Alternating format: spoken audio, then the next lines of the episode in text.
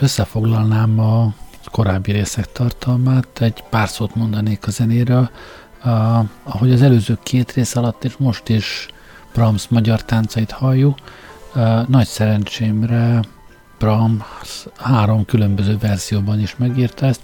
Eredetileg az első rész alatt hallott két zongorás verziót írta meg, aztán egy-néhány tételt átírt zenekarra is, aztán más zeneszerzők hangszerelték a többit is, ezt hallottuk a második rész alatt, és most a, a harmadik rész alatt pedig Brahms saját átiratában egy zongorára átírt verzióban halljuk a magyar táncokat. Még pedig nem csak azért, mert szerintem hangulatában, stílusában nagyon jól passzol a témához, de azért is, mert a, az első verziót éppen történetünk évében fejezte be Brahms. Szóval minden szempontból nagyon jól passzol ide. De most következzen az összefoglaló az előző részek tartalmából, és megint csak nem én magam foglalom ezt össze, hanem uh, idézek egy cikkből, ami 1905.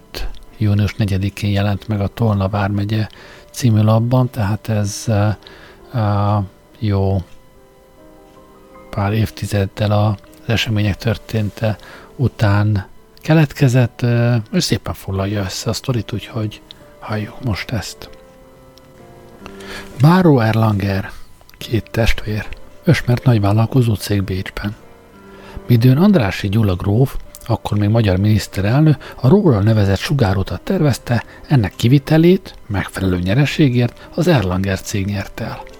Azonban vagy azért, mert elszámította magát, vagy mert anyagi ereje mégis csekélyebb volt, mint hitte volna, a vállalat kivitele alatt látta át, hogy ha kötelezettsége arról a magyar kormány által föl nem mentetik, körülbelül 10 millió forintnyi vesztesége lesz, mely őt teljesen tönkreteszi.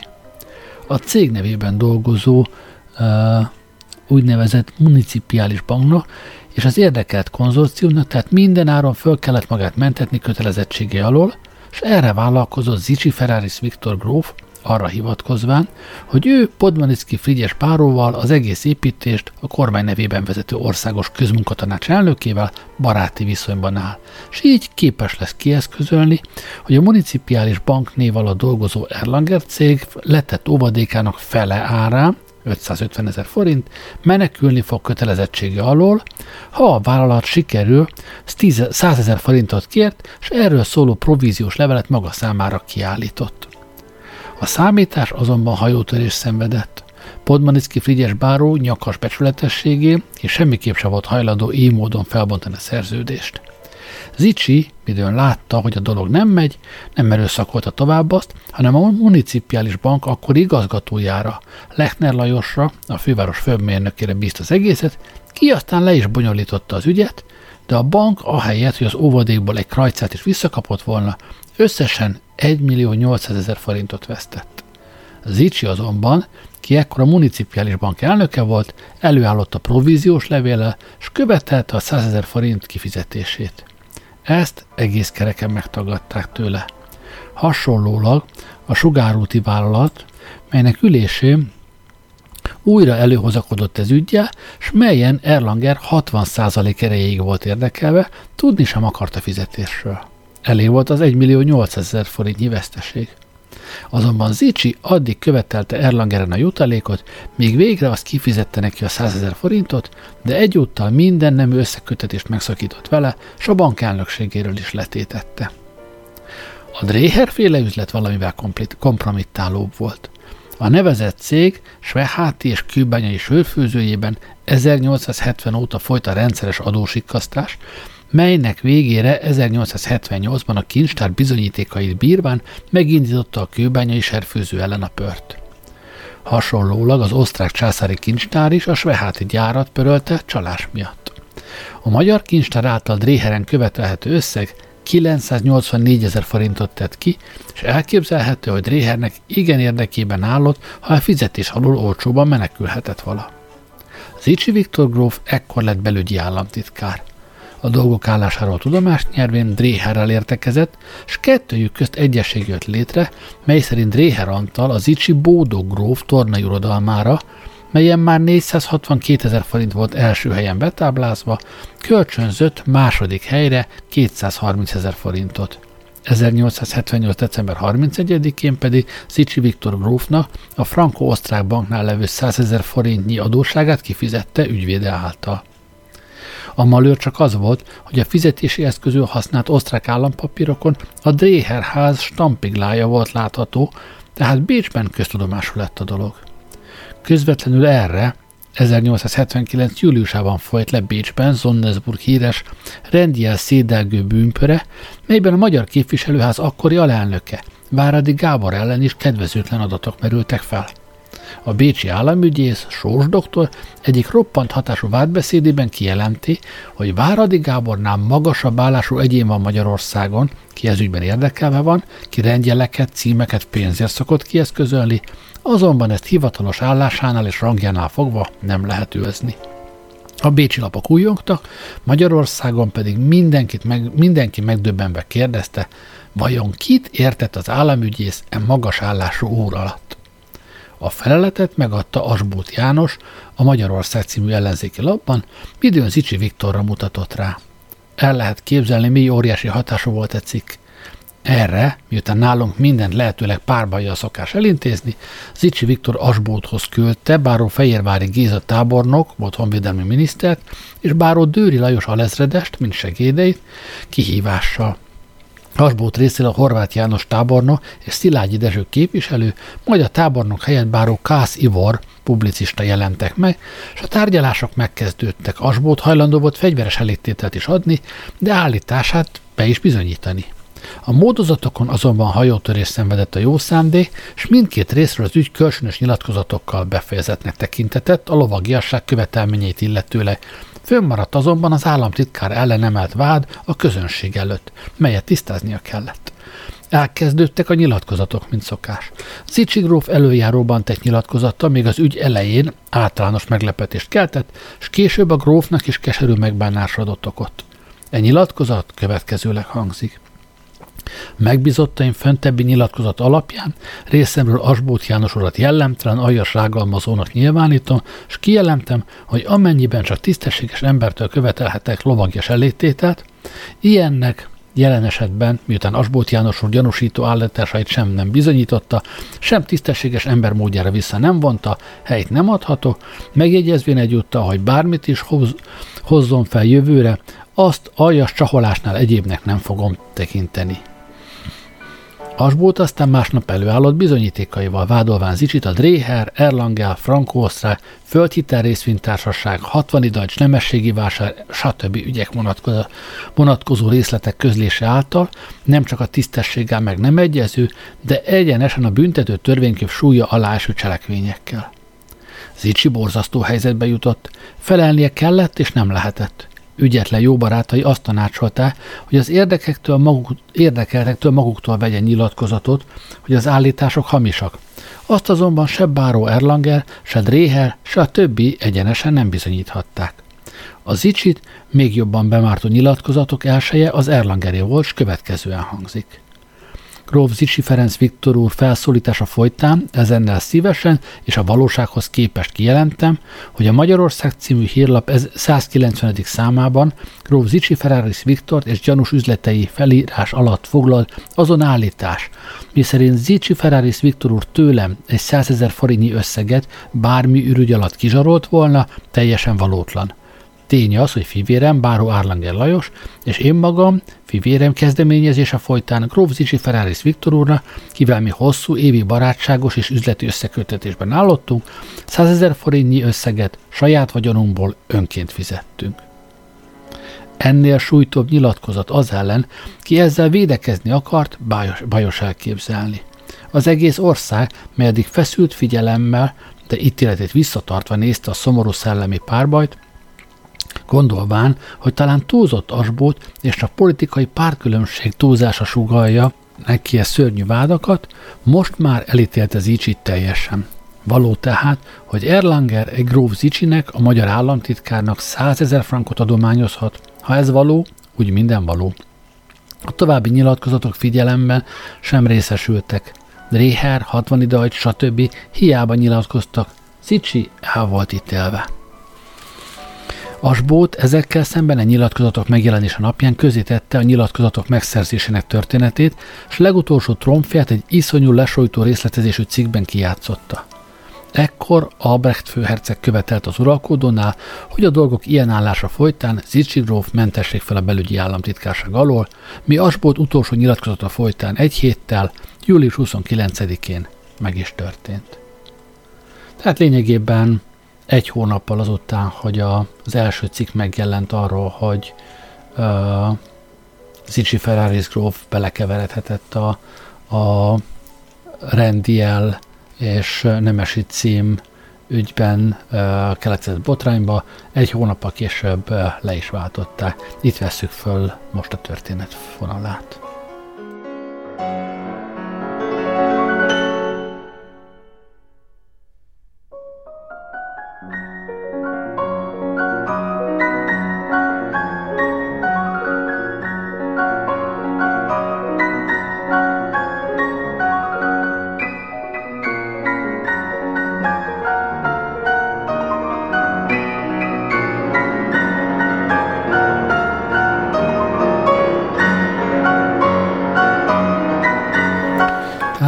Egyszer uh, Zicsi felmentése július 29-i kertezésű bejelentéssel történt meg. A következő cikk viszont már uh, 1879. október 9-éről való a Szegedi híradóból. Zicsi Ferraris Viktor gróf országgyűlési képviselő, volt belügyi államtitkár ismeretes ügyében Nógrádi Szonták Pál, mint a szabadelvükör elnöke, Zicsi Viktor felszólítására hat tagú becsületbíróságot állított össze. Három kormánypárti és három ellenzéki képviselő hivatott meg a becsületbíróságba. Kormánypártiak Tacsó Pál, Placsi Tamás, Podmaniszki Frigyes Báró, párton kívüli Ernst Sándor, Egyesült Ellenzéki Bánhidi Béla Báró, Függetlenségi Párti Fonszek Sándor. E bíróság tegnap ült össze Plahi Tamás lakásán. Körülbelül egy óra hosszáig folytatták a becsületbíróság tagjai az esmecserét, amelynek eredményeképp kimondották, hogy nem alakulnak meg. Egyhangulag hozott határozatuk következőleg hangzik – a Szonták Pál által a Zicsi és Asbót ügyben becsületbíróság alakítására egybehívottak kinyilatkoztatják, hogy oly becsületbíróságban részt nem vehetne, mely mind a két fél által megbízást nem nyert. Kelt Budapesten 1879. október 7-én. Következik a föntebbi hat képviselő aláírása.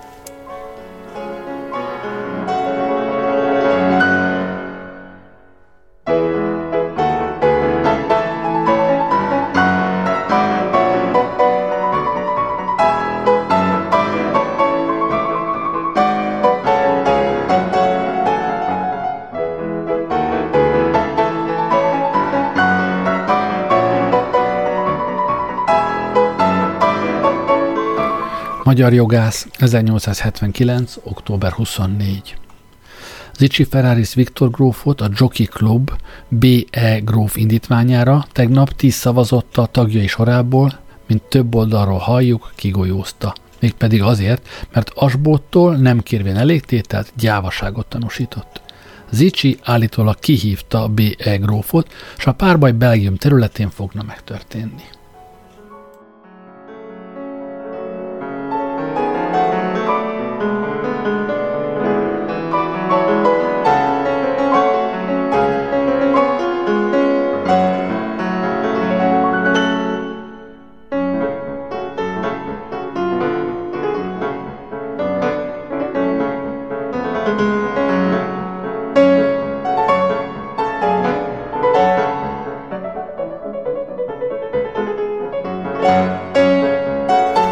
Politikai újdonságok 1879. november 12. A Zicsi Asbót ügy.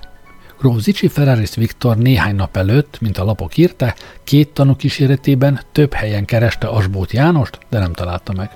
Aztán levelet írt neki, mely, állítólag, sértő tartalmú volt, más hír szerint pedig kihívást tartalmazott. Asbót becsületbíróságot hívott össze, mely afölött döntsön, hogy Gróf Zicsi még az elmúlt nyár eseményeiből magyarázva párbaj képese. A becsület bíróság, melynek elnöke Báró Edelsheim Gyulai tábornok, katonai főparancsnok volt, hosszú tanácskozás után azt határozta, hogy Asbót nem köteles, de azért elfogadhatja Zicsi kihívását. A párbaj még aznap, október 6-án délután megtörtént. Húsz lépésről lőttek pisztolyjal, de egyik fél sem talált. A lövés után Zicsi gróf következő szavakkal nyújtotta kezét ellenfelének. Igyekezni fogok bebizonyítani, hogy a dolgok nem úgy történtek, mint ön által nyilvánosságra hozattak. Asbot így felelt, nem személyes tekintetekből, hanem a közérdek szempontjából meggyőződésből írtam, és a jövőben is meggyőződésem szerint fogok cselekedni. Ugyanen nap a Jockey Club választmánya a végből gyűlt össze, hogy elhatározza, továbbra is tagja lehet-e Zicsi a klubnak, mint hogy kizáratását indítványozták. Zicsi azonban levélben kijelentette, hogy kilép a klubból.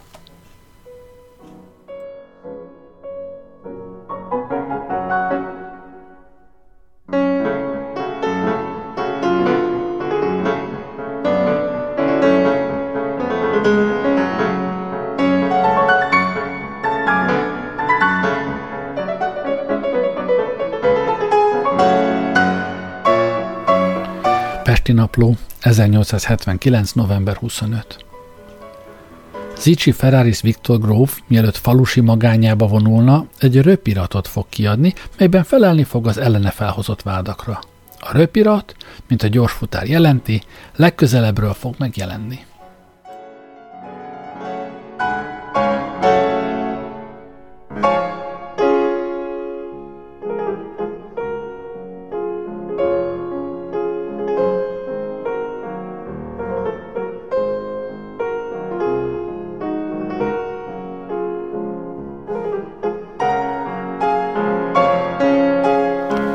Politikai újdonságok 1879. december 10.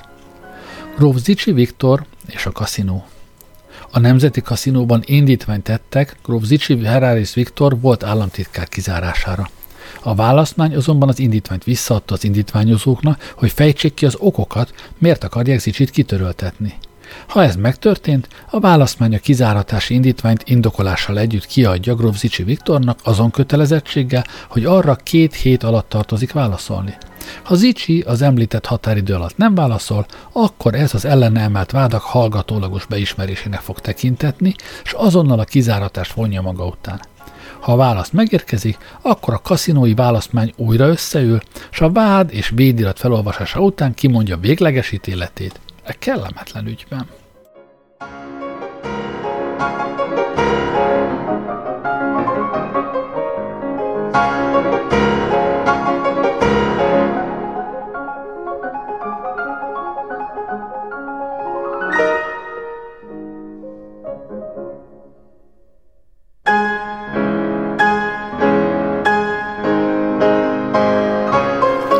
A Hon 1879. december 28. Zicsi Ferraris Viktor gróf ügyét tárgyalt a szombaton este a Nemzeti Kaszinó, melynek 30-35 tagja lehetett jelen. Miután a gróf levelét felolvasták, melyben magát igazolni igyekszik, megindult a vita, mely arra vonatkozott, vajon a gróf kigolyóztasséke. Zicsi ellen sokan szóltak, főleg Károly Pista gróf. Mellette főleg Majlát György vetette alatba szavát. Végre szavazásra került a dolog, és 26 szavazattal, 7 ellenében kigolyózták Zicsi Ferraris Viktor grófot a kaszinóból. Ez a Károly Pista gróf amúgy a későbbi miniszterelnök Károly Mihály nagybátyja.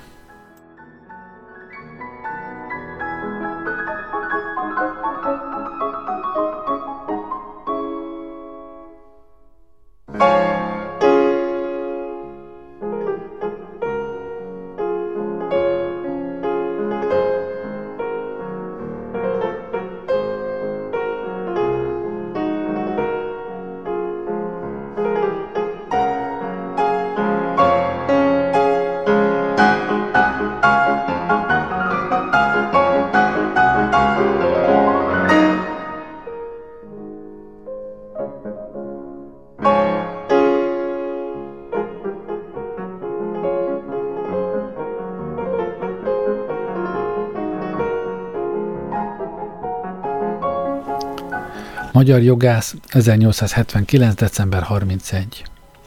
Zicsi Ferraris Viktor röpirata. A főúri körökben 24 óra óta rendkívüli izgatottság uralkodik. A mágnás kaszinóban nem beszélnek egyébről, mint arról, hogy kit fog kompromittálni a kaszinóból kizárt taktárs röpirata. Zicsi Ferraris Viktor a porosz magyar légió ügyét fogja szellőztetni. Ez ügy már a múlt évtizedben megfordult az itteni törvényszék előtt.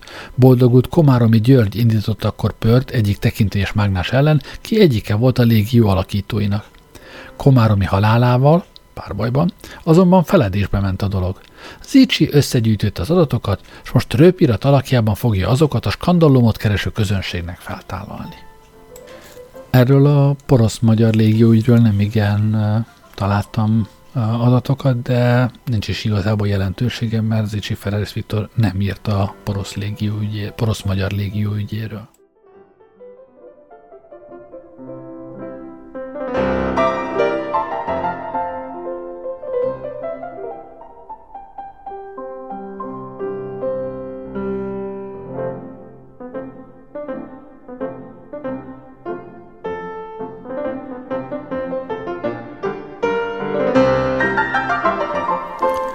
Politikai újdonságok 1880. január 14. Gróf Zicsi Ferraris Viktor nyilatkozatot tett közé a lapokban a Nemzeti Kaszinóból történt kizárása miatt. A kezeinél levő adatokból stanok kihallgatása mellett könnyű lehet neki, úgymond, az ellenle intézett gyanúsítások ellenkezőjét igazolni, és nem csak a kaszinó választmányát, tagjának összességét, de magát a nagy közönséget is megnyugtatni, hogy bármennyire súlyosak és azon gyanúsítások és vádak, azok nem terhelik őt. A kaszinói alapszabályok értelmében vizsgálóbizottság kiküldését kérte a kaszinótól, és fölajánlotta levelezéseit, tanúk kihallgatását és minden felvilágosítást. A kaszinó azonban megtagadta tőle az igazolás terét, és láthatlanban tört pálcát fölötte. Ez eljárás jellemzését, így végződik a nyilatkozat, bátran bízom a nagy közönség igazság szeretetére, valamint annak megítélését, hogy az így eljárás folytán hozott határozat bármi fájdalmas legyen egyéb iránt, egy ember életére kiható következményű vajon lehet-e? Ezek után csak arra kérem még a nagy közönséget, mely nem ítél soha igazságtalanul, ha téves információ nem vezeti, függesse fel ügyemben végítéletét, ne tovább csak akkorra, midőn összeállítás alatt levő igazolásommal a nyilvánosság elé léphetek, tiszta önérzetemben keresvén vigasztalásomat addig is, míg a kiderülő igazság alapján magamna minden irányban teljes elégtételt szerezhetek.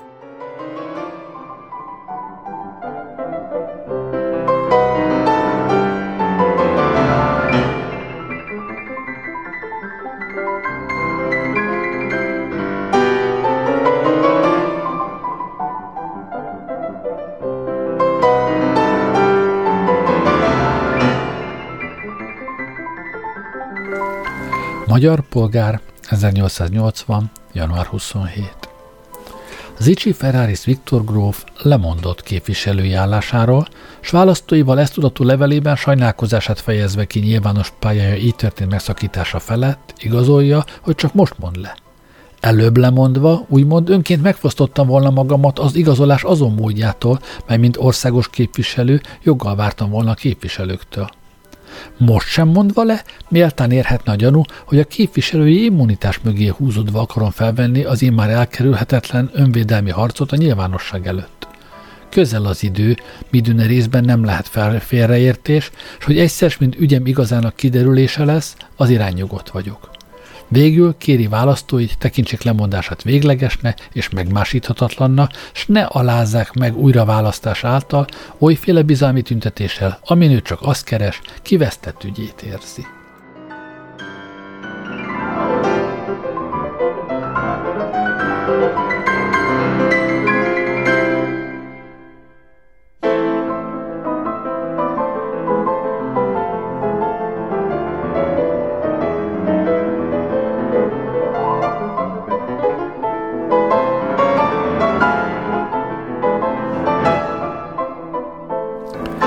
Politikai újdonságok 1880. március 17. Gróf Zicsi Ferraris Viktor védelme. A volt államtitkár Gróf Zicsi Ferraris Viktortól pár nap előtt jelent meg az az előre emlegetett könyv, melyet az a hír előzött meg, hogy érdekes eleplezések lesznek benne, s a gróf nem csak az aspót által ellene támasztott vádakkal foglalkozik, hanem egyéb mondani valói is lesznek, sokféléről és sokakról. A könyv azonban, melynek címe Nyílt levél, tárgyilagos, az Asbót hírlapi támadását cáfolja, és a Nemzeti Kaszinónak iránta tanúsított eljárását bírálja. Gróf Zicsi a közönség ítéletére bízza, hogy a felsorolt cáfolatok és okiratok alapján legyen bíró fölötte.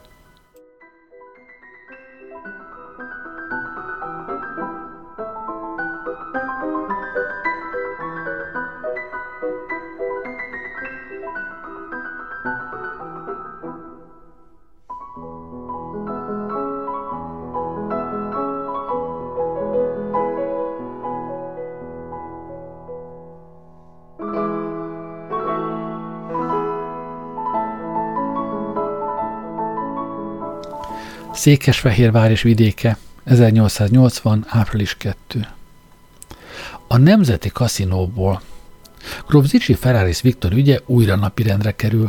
A volt államtitkár ugyanis, ki nemrég megjelent röpirata után teljesen rehabilitáltnak tartja magát, mint halljuk, párbajra hívta ki ifjú gróf Károly Istvánt és báron Messnél Viktort. Az elsőt azért, mert kezdeményezője volt azon mozgalomna, melynek eredménye gróf Zicsi Ferraris Viktornak a kaszinóból kizáratása lett. Messnilt pedig azért, mivel ez az ismeretes hírlapi leleplezések után gróf Zicsi Ferraris Viktor gyávának nyilvánította. A kihívásra gróf Károly István kijelenti, hogy ő megverekszik ugyan, mert neki eleve, elve semmi kifívás elől ki nem térni, Báron Meszlényi azonban levelet írt gróf Zicsi Ferraris Viktorna, és ebben kijelenti, hogy a kaszinó eljárását túl szigorúnak tartja ugyan, de azért ő, gróf Zicsi Ferraris Viktor most is csak olyan embernek tekinti, mint a repirat megjelente előtt, illetőleg róla tett nyilatkozatát egész terjedelmében fenntartja. Ebben a stádiumban áll pár nap óta az ügy, és egy ideig még ebben is marad, mivel gróf Zicsi Ferraris Viktor segéde, Ton Taxis herceg jelenleg Bécsben van, a karosszába.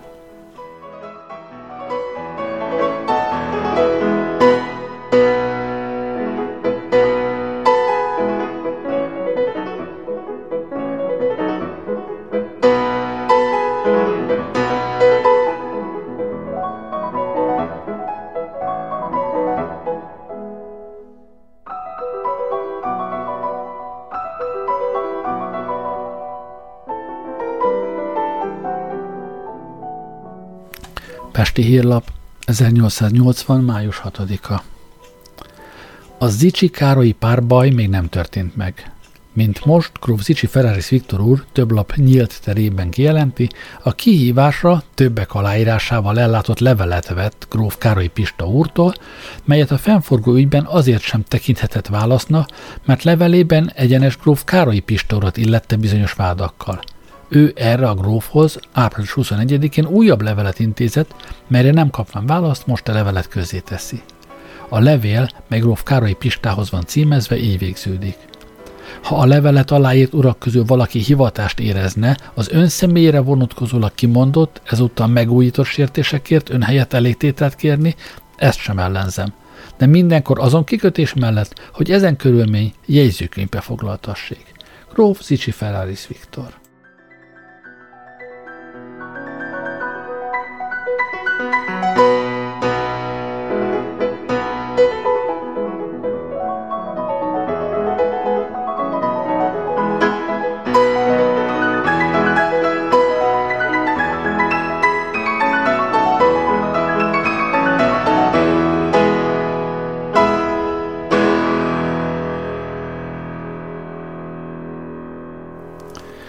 Fővárosi lapok 1880. május 8. A nyílt térben. A kaszinó kilenc fiatalabb tagja, köztük Tesefi Aurél, Pattyány Jelemér, ifja Balmási Kámán, ifja Eszterházi Mórgrófok nyilatkozta, hogy Zicsi Ferraris Viktornak nyilvánosan tett kijelentései által gróf Károly Pistát megsértetnek nem tekinti, és azt tartják, hogy emiatt ő nem kérhet elégtételt gróf Zicsi Viktortól, ki annak adására képesítve nincs. Azért nem tartják képesítve, mert mikor a kaszinóból való kirekesztését kérték, s a grófnak sorshúzás útján eldöntendő elégtételadást ajánlottak fel, kimondván, hogy a kedvezményük dacára őt rehabilitálhatónak nem tekintik, ez ajánlatot ő nem fogadta el.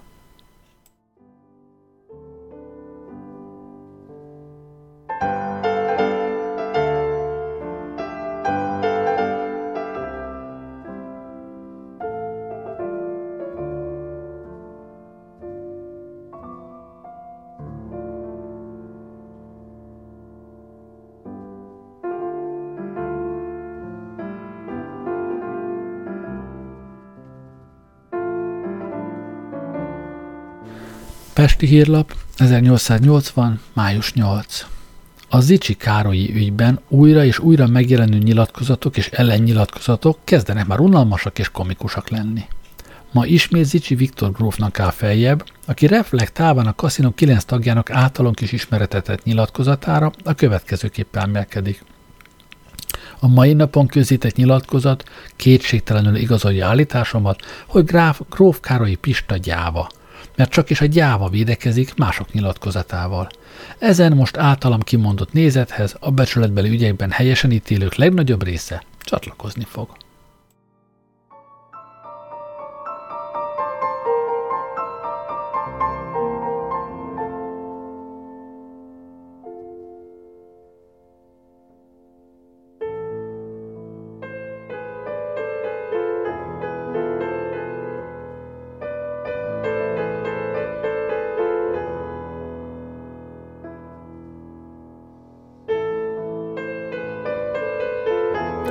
Hon, 1880. május 24. Véres kimenetelű párbaj volt ma reggel a Káposztás megyeri akácerdőben. Károly Pista gróf vívott pisztorpály, pisztoly párbajt Zicsi Ferraris Viktor gróffal, melyre tudva levőleg ez utóbbinak a Nemzeti Kaszinóból való kizárása adott okot. A kihívás Zicsi részéről már régebben történt meg, mely úgy hírlik most a Bécsi Jockey Klub befolyására jött létre. A párbajozók tíz lépésről lőttek háromszor – a harmadik golyóváltásnál Károlyi golyója Zicsit melben, mások szerint hasban találta, ki rögtön összerogyott, s kit az orvosok ott a helyszínen azonnal ápolás alá vettek. Károlyi segédei voltak, Csorinszki gróf és Rohan herceg, Zicsi segédei Károlyi Sándor gróf és Strasburgi Zicsi Sándor gróf. A sebet életveszélyesnek mondják.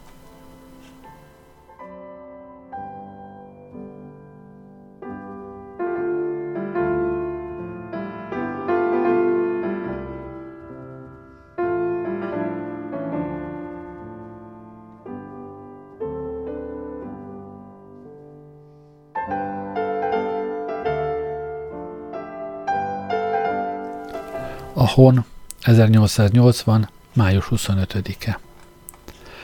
Az Icsi Károlyi párbaj. A szomorú hír villámsebességgel terjedt el a főváros minden rétegében, és a legmélyebb részvétet ébresztette. A fiatal gróf tragikus sorsa valóban megindító.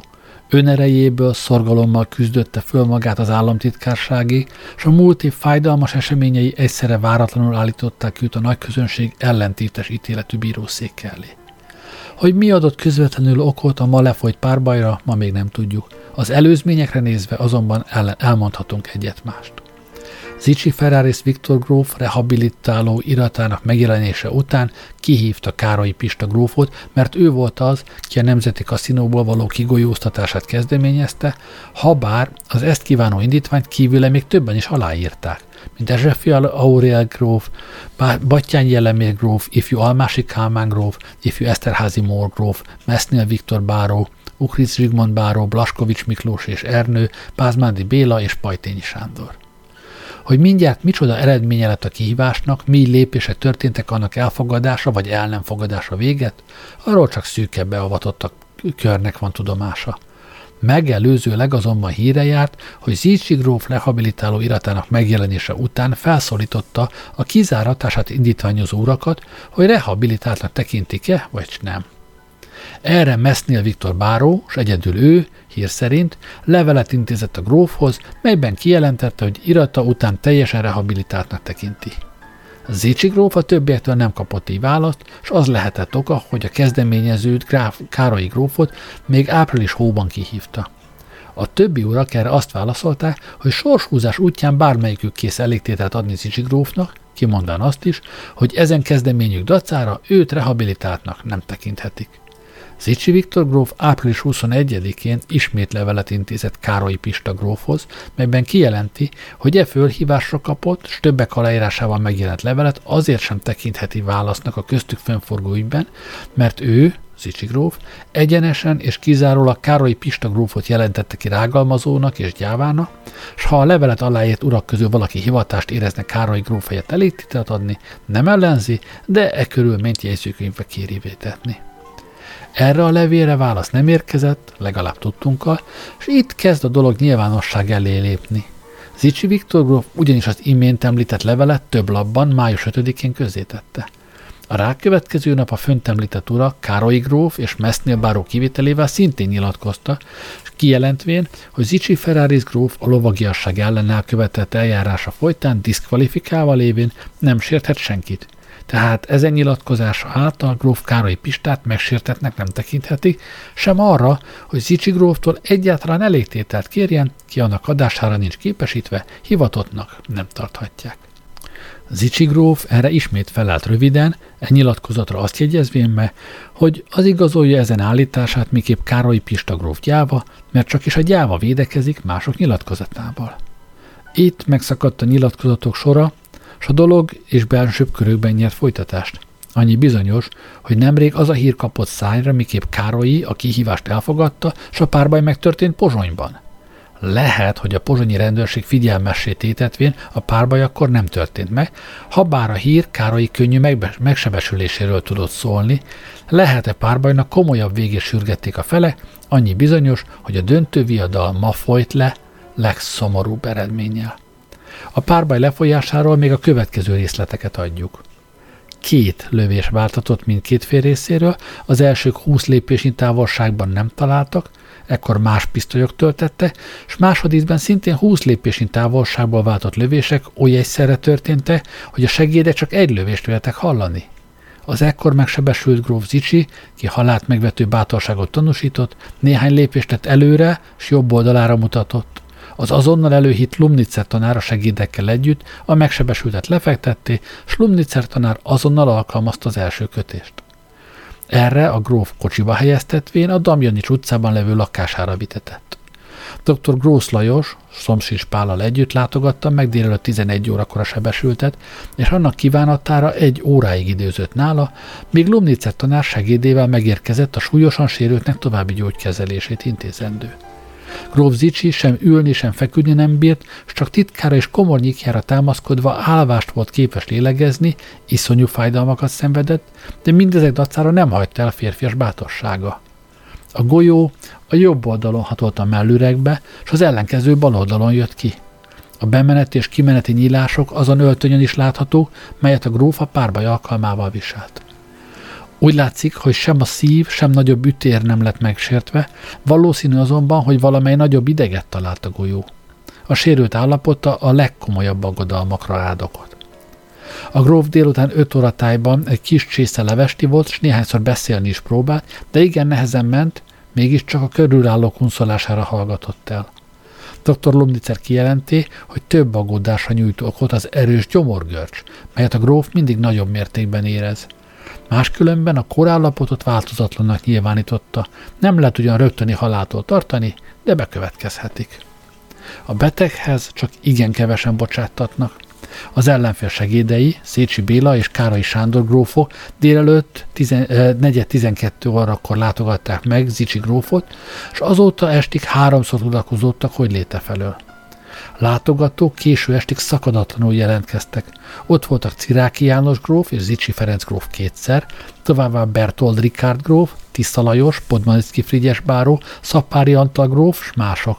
Összesen mintegy nyolcvanan. Károly István kártyáját küldte, és Jószeg igazgatója által tudakozódott, aki hosszabban időzött a betegnél. A hölgyek közül Königseg grófnő, báró Ineki Nándorné, akihez a grófe szavakat intézte bágyat hangon, köszönöm részvétét jobban leszek.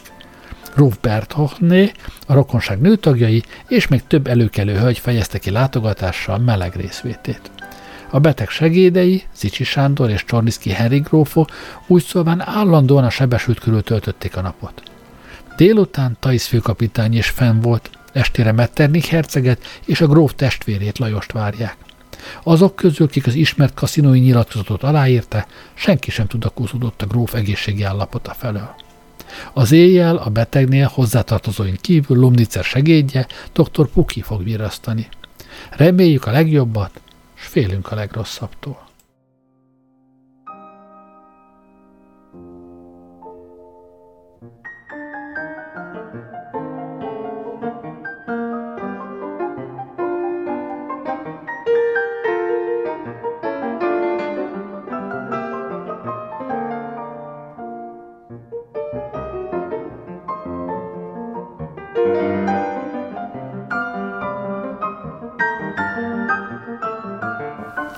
A Hon, 1880. május 26. A Zicsi Károlyi párbaj. Zicsi Viktor állapota ma délután három óráig reményekre adott jogot. A lázdelírium teljesen megszűnt, és a gróf, miután egy csészelevest megivott, csöndes, mély álomba merült. Ezt környezette a legjobb jelnek tekinti.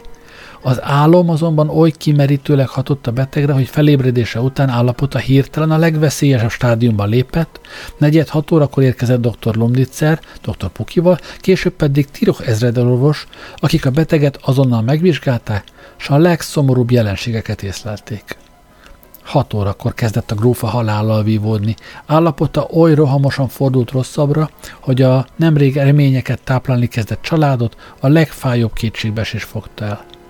Nyolc órakor az orvosok lemondtak a beteg életben maradásának lehetőségéről. A gróf ezen idő alatt folytonosan eszméleténél volt, környezőit megismerte, és néhányszor szólni akart, de nem bírt. Kilenc órakor az orvosok a mellékszobákba vonultak vissza, dr. Lomnitzer elhagyta a palotát. Kevéssel ezután érkezett Cibulka Nándor, a szeminárium spirituális igazgatója, hogy a haldoklót a halotti szentségekben részesítse. Szicsi Viktor tíz órakor este fölvette az utolsó kenetet. Magyari, a gróf titkárja dúlt vonásokkal zokogva jött le a lépcsőn. Nem élhet soká, mondta, és az udvarra vonult, hogy friss levegőhöz jusson. Fél tizenegy órakor kezdett a haldokló teste hidegülni. Az orvosok közül csak Tirok maradt a mellékteremben. Dr. Puki 11 órakor érkezett vissza. Ekkor már Zicsi testének hőmérséklete 40 fokra szállt le. Fél óráig él. Ez volt az utolsó értesítés. Az orvosok a test melegségét visszaállítandó izgatószereket adtak a grófnak. Ez használt. 12 órakor jobban érezte magát, a test folyton melegszik, a lélegzés könnyebb. A katasztrófa azonban minden percben bekövetkezhetik. Éjjel fél kettő órakor vesszük a hírt, hogy a beteg állapota nem veszti el veszélyes jellegét. Mellette Metternich herceg és testvérei Zicsi Lajos és Manó grófok virasztanak. A szerencsétlen gróf iránt folyvás nagy az érdeklődés. Ma délután a következők tettek a palotában látogatást. Eszterházi gróf, Szapári Antal gróf, Tisza Kálmán minden második órában küldönc által vitett értesítést, Pécsi Béla, Borosnyai Pál, Pulai Kornél, ifjabb Áprányi Kornél, Szijjártó Zsigmond, Szirmai Ödön, Dániel Pál, Somsics Pál, Simon Gyula, Gartner Antal, Kanóc István, Ürményi József, Prónai József, Prileszki Tádé, Szitványi Bernát, Falk Micska, Miksa és Neje, Almási Vince, Festetics Leogróf, Báró Rédől idő, idősebb Báró Vaj Miklós, Német Miklós, stb. stb. A királyi ügyész, Tusner Ágoston és Vasilevics vizsgáló bíró az igazságügyminiszter megbízásából ma mentek ki Rákos palotára a párbaj ügyében a nyomozásokat megindítani. Kihallgatták a vendéglőst a parkban, a személyzetét, és ezek vallomásai alapján csak hamar feltalálták a helyet, hol a párbaj megtörtént. A hely színe mellett levő árokban, ahol Zicsi Ferraris Viktor feküdt, vérnyomok találtattak. A többi részletek is, melyekről nincs tudomásunk, megegyeznek a feltevéssel, és a vizsgálatot most már biztos irányban erélyesen lehet folytatni.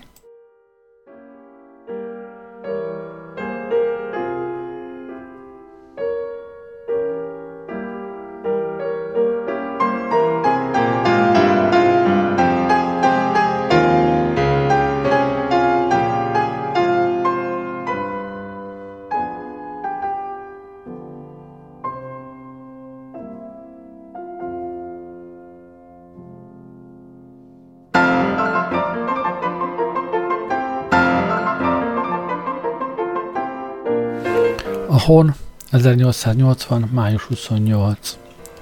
Zicsi Viktor gróf állapota, ki előtt most már minden, többi néma csend, tegnap annyira jobbra fordulni látszott, hogy a mai reggeli lapok csak nem mind a reményüknek adta kifejezést, hogy Zicsi életben marad.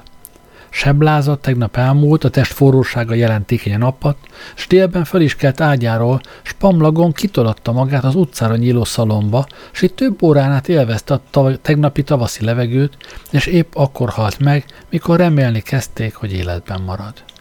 Zicsi halála 11 óra 6 perckor következett be. Egész az utolsó percekig magánál volt, 3.4.11-kor még enni is kért. Az orvosok állítása szerint üdőgyulladás ölte meg. Temetése holnap után, vasárnap lesz, az óra még nincs megállapítva. Szülői és orvosai a halál percéig körülötte voltak. Életrajzi adataiból annyit közlünk, hogy Zicsi Ferraris Viktor Moson megyei születésű 1861-ben tette el az ügyvédi vizsgát, és egy ideig Sopronban ügyvédi irodát is tartott, de csak hamar a megye aljegyzője lett. Működése azonban csak az újabb időben kezdődik, midőn főispáns országgyűlési képviselővé lett. Belügyminiszteri államtitkárá Kemény Gábor helyére 1878. december 11-én neveztetett ki. Már előbb, mint a főrendi ház delegáció tagja, jó nevet szerzett magának. 1879 derekán az ismert Váradi Zonnenberg rendiápörügy hírlapi tárgyalásánál Asbót János őt nyilvánosan megtámadta, ez ügy, melynek szomorú katasztrófája ma következett be, sokkal ismertebb sem, hogy tárgyalnunk kellene. Legyen neki könnyű a föld, és kísérje kiengesztelés és béke a sírba. És hát uh, lényegében napra pontosan 11 hónap telt el uh, Asbót János első cikke és uh, Zicsi Ferelis Viktor halála között.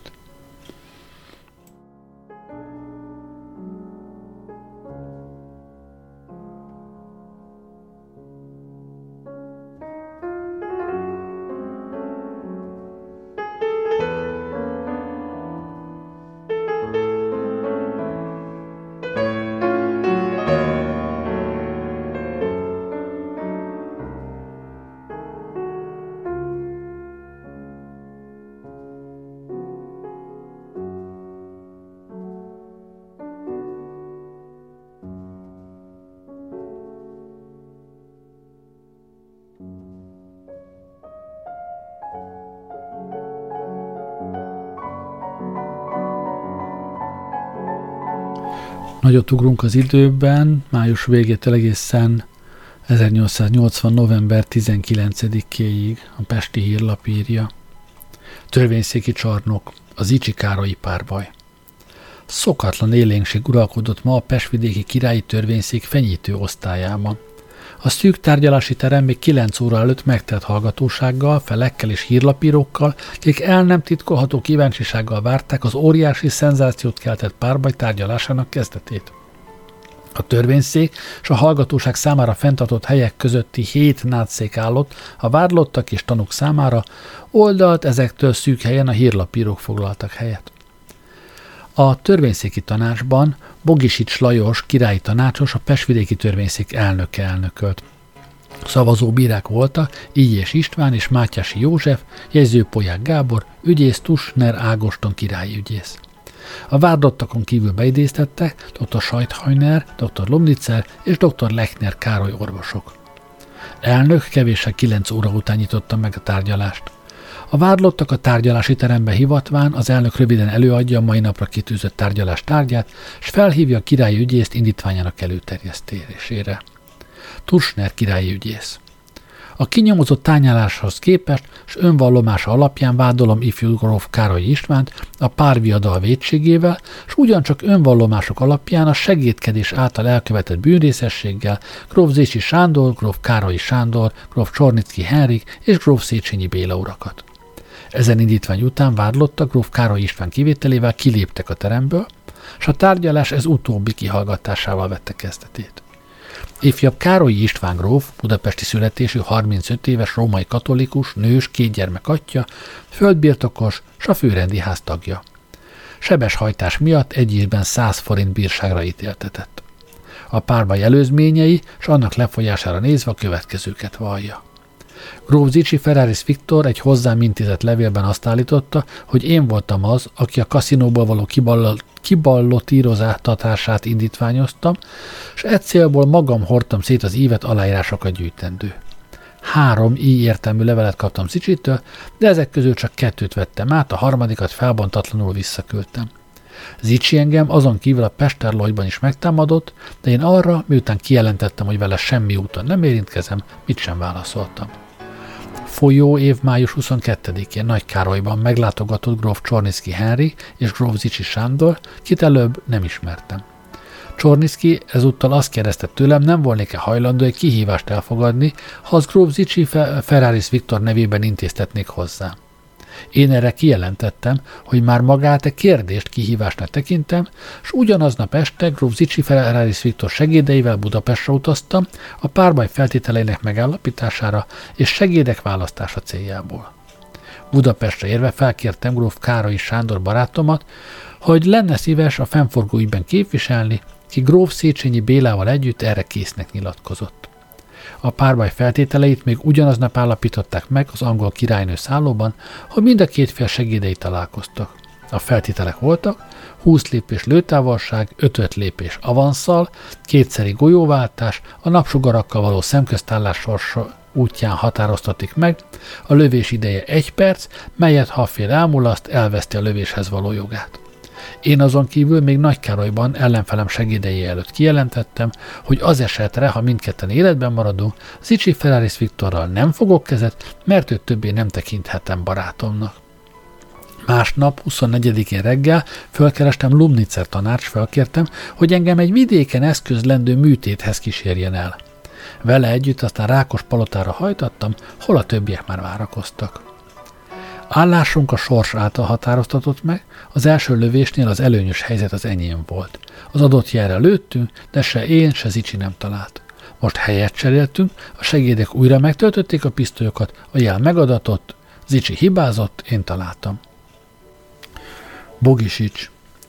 Zicsi Viktor gróf talán abban a nézetben volt, hogy ön, mint a kaszinó elnöke, volt oka annak, hogy ő a kaszinóból kizáratott? Károly István.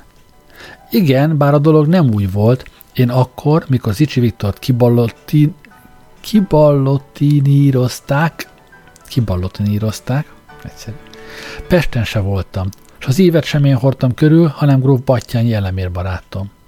Bogisics. Micsoda jár előttek? Gróf Károly István.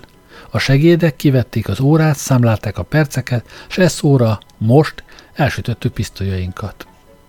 Elnök. Hová célzott gróf úr? Gróf Károly István.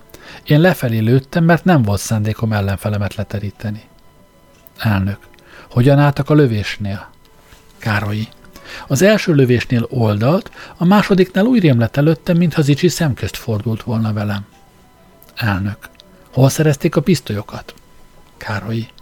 Engem Csorinszki gróf még Nagy Károlyban kért meg, hogyha vannak pisztolyaim, adjam kölcsön. De én kijelentettem, hogy nem illik oly pisztolyjal lőni ellenfelére, melyet az ember ismer. Így történt, hogy ajánlatomra gróf Battyány jelemérhez fordult pisztolyokért. Kihallgattatik. Gróf Zicsi Sándor, Gróf Zicsi Ferraris Viktornak volt segédje. Vádlott Soproni születésű, 51 éves katolikus szabadságot állományú honvédőrnagy. Vallomása teljesen megegyezik Gróf Károly István előadásával. A pisztolyok megtöltésénél jelen volt, és úgy tudja, hogy azok lehetőleg erősen töltettek meg, hogy találás esetére a golyó áthatoljon a testen. Gróf Károly Sándor, pesti születésű, 50 éves római katolikus nőtelem, földbirtokos és a főrendi ház tagja, a párbaj körülményeit illetőleg előadja, hogy ő gróf Károly István felhívására érintkezett Széchenyi Bélával, Károly István gróf segédjével, és ezen, ezzel együtt május 23-án az angol királynő szállóban gróf Zicsi Ferraris Viktor segédeivel. Az ellentét az ellenfelek közt oly éles volt, hogy minden békítési kísérlet már a priori hasztalannak látszott, és így csupán a párbaj lehető legényhítése volt a feladatunk. Ezt annyiban el is értem, amennyiben a Csorinszki által indítványozott háromszori golyóváltást kettőre szállítottam le. Azon kívül Csorinszki a 20 lépésnyi távolságot oly bőven szabta ki, hogy 25 lépésnek is beillett volna. A párbaj szabályok mindenben megtartottak. A lövés annyira egyidejű volt, hogy midőn Zicsi elesett, és én pisztolyát megnéztem, csodálkoztam, hogy ki volt lőve. Vallomása egyéb részletei teljesen összehangzanak a korábbi vallomásokkal. Gróf Széchenyi Béla, budapesti születésű 33 éves özvegy, két gyermek atya, földbirtokos és a főrendiász tagja, a párbaj okát, lefolyását illetőleg nem mond újat. Károly István által szólította fel a segédkedésre, és ő ezt elfogadta, mert ismerte az ügyet, és tudta, hogy azt csak párbaj képes elintézni. A párbaj oka után nem tudakozódott, mert még Indiában hallotta a dolgot, és jól ismerte. Kihallgattatott dr. Lumnitzer tanár, ki a párbajnál, mint orvos működött közre, és a megsebesített Zicsit az első kötéssel ellátta. Gróf Károly István május 24-én reggel fél nyolc órakor jelent meg nála, és felkérte, hogy egy vidéken végrehajtandó műtéthez kísérni el. Lomnicer már ekkor sejtette, hogy párbajhoz hivatik. Bérkocsin Rákos palotára hajtatta, hol gróf Zicsi Ferraris Viktor segédei már várakoztak. A párbaj megtörtént, és Zicsi melbe találva előbb pár lépést hátrált, és aztán a földre bukott.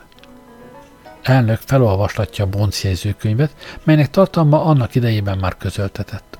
A Bonc jegyzőkönyvben foglalt némely állítások felvilágosítása céljából néhány kérdést intéz a jelenlevő szakértő orvosokhoz, mire a bizonyítási eljárás befejezetnek nyilvánítja, és felkéri az ügyészt vádbeszédének előterjesztésére. Tusner királyi ügyész rövid vádbeszédében az alanyi és tárgyi tényálladék teljes helyreállítását konstatálván Gróf Károly Istvánt a büntető törvénykönyv 298. paragrafus alapján párbaj védségében kéri vétkesnek kimondani, és nyolc havi, a segédeket pedig párviadalbeni segédkezés védsége miatt 6-6 heti államfogházra ítélni. Ifjabb Károly István védelmében előadja, hogy ő a párbajra Gróf Zicsi Ferraris Viktor által szorítatott. Zicsi azon kívül annyira gyalázó szavakkal illette, melyek megtorlására más, mint a társadalom által megállapított módot, a párbajt nem talált. A többi vádlottaknak ügyészi indítványra semmi megjegyzése. A többi vádlottaknak az ügyészi indítványra semmi megjegyezni valójuk nincs.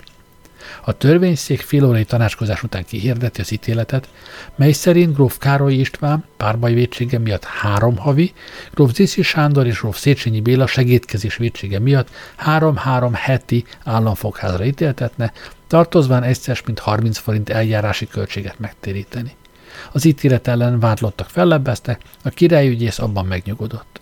Az ítélet közöltetni fog a főrendiház elnökségével. A tárgyalás 12 órakor ért véget.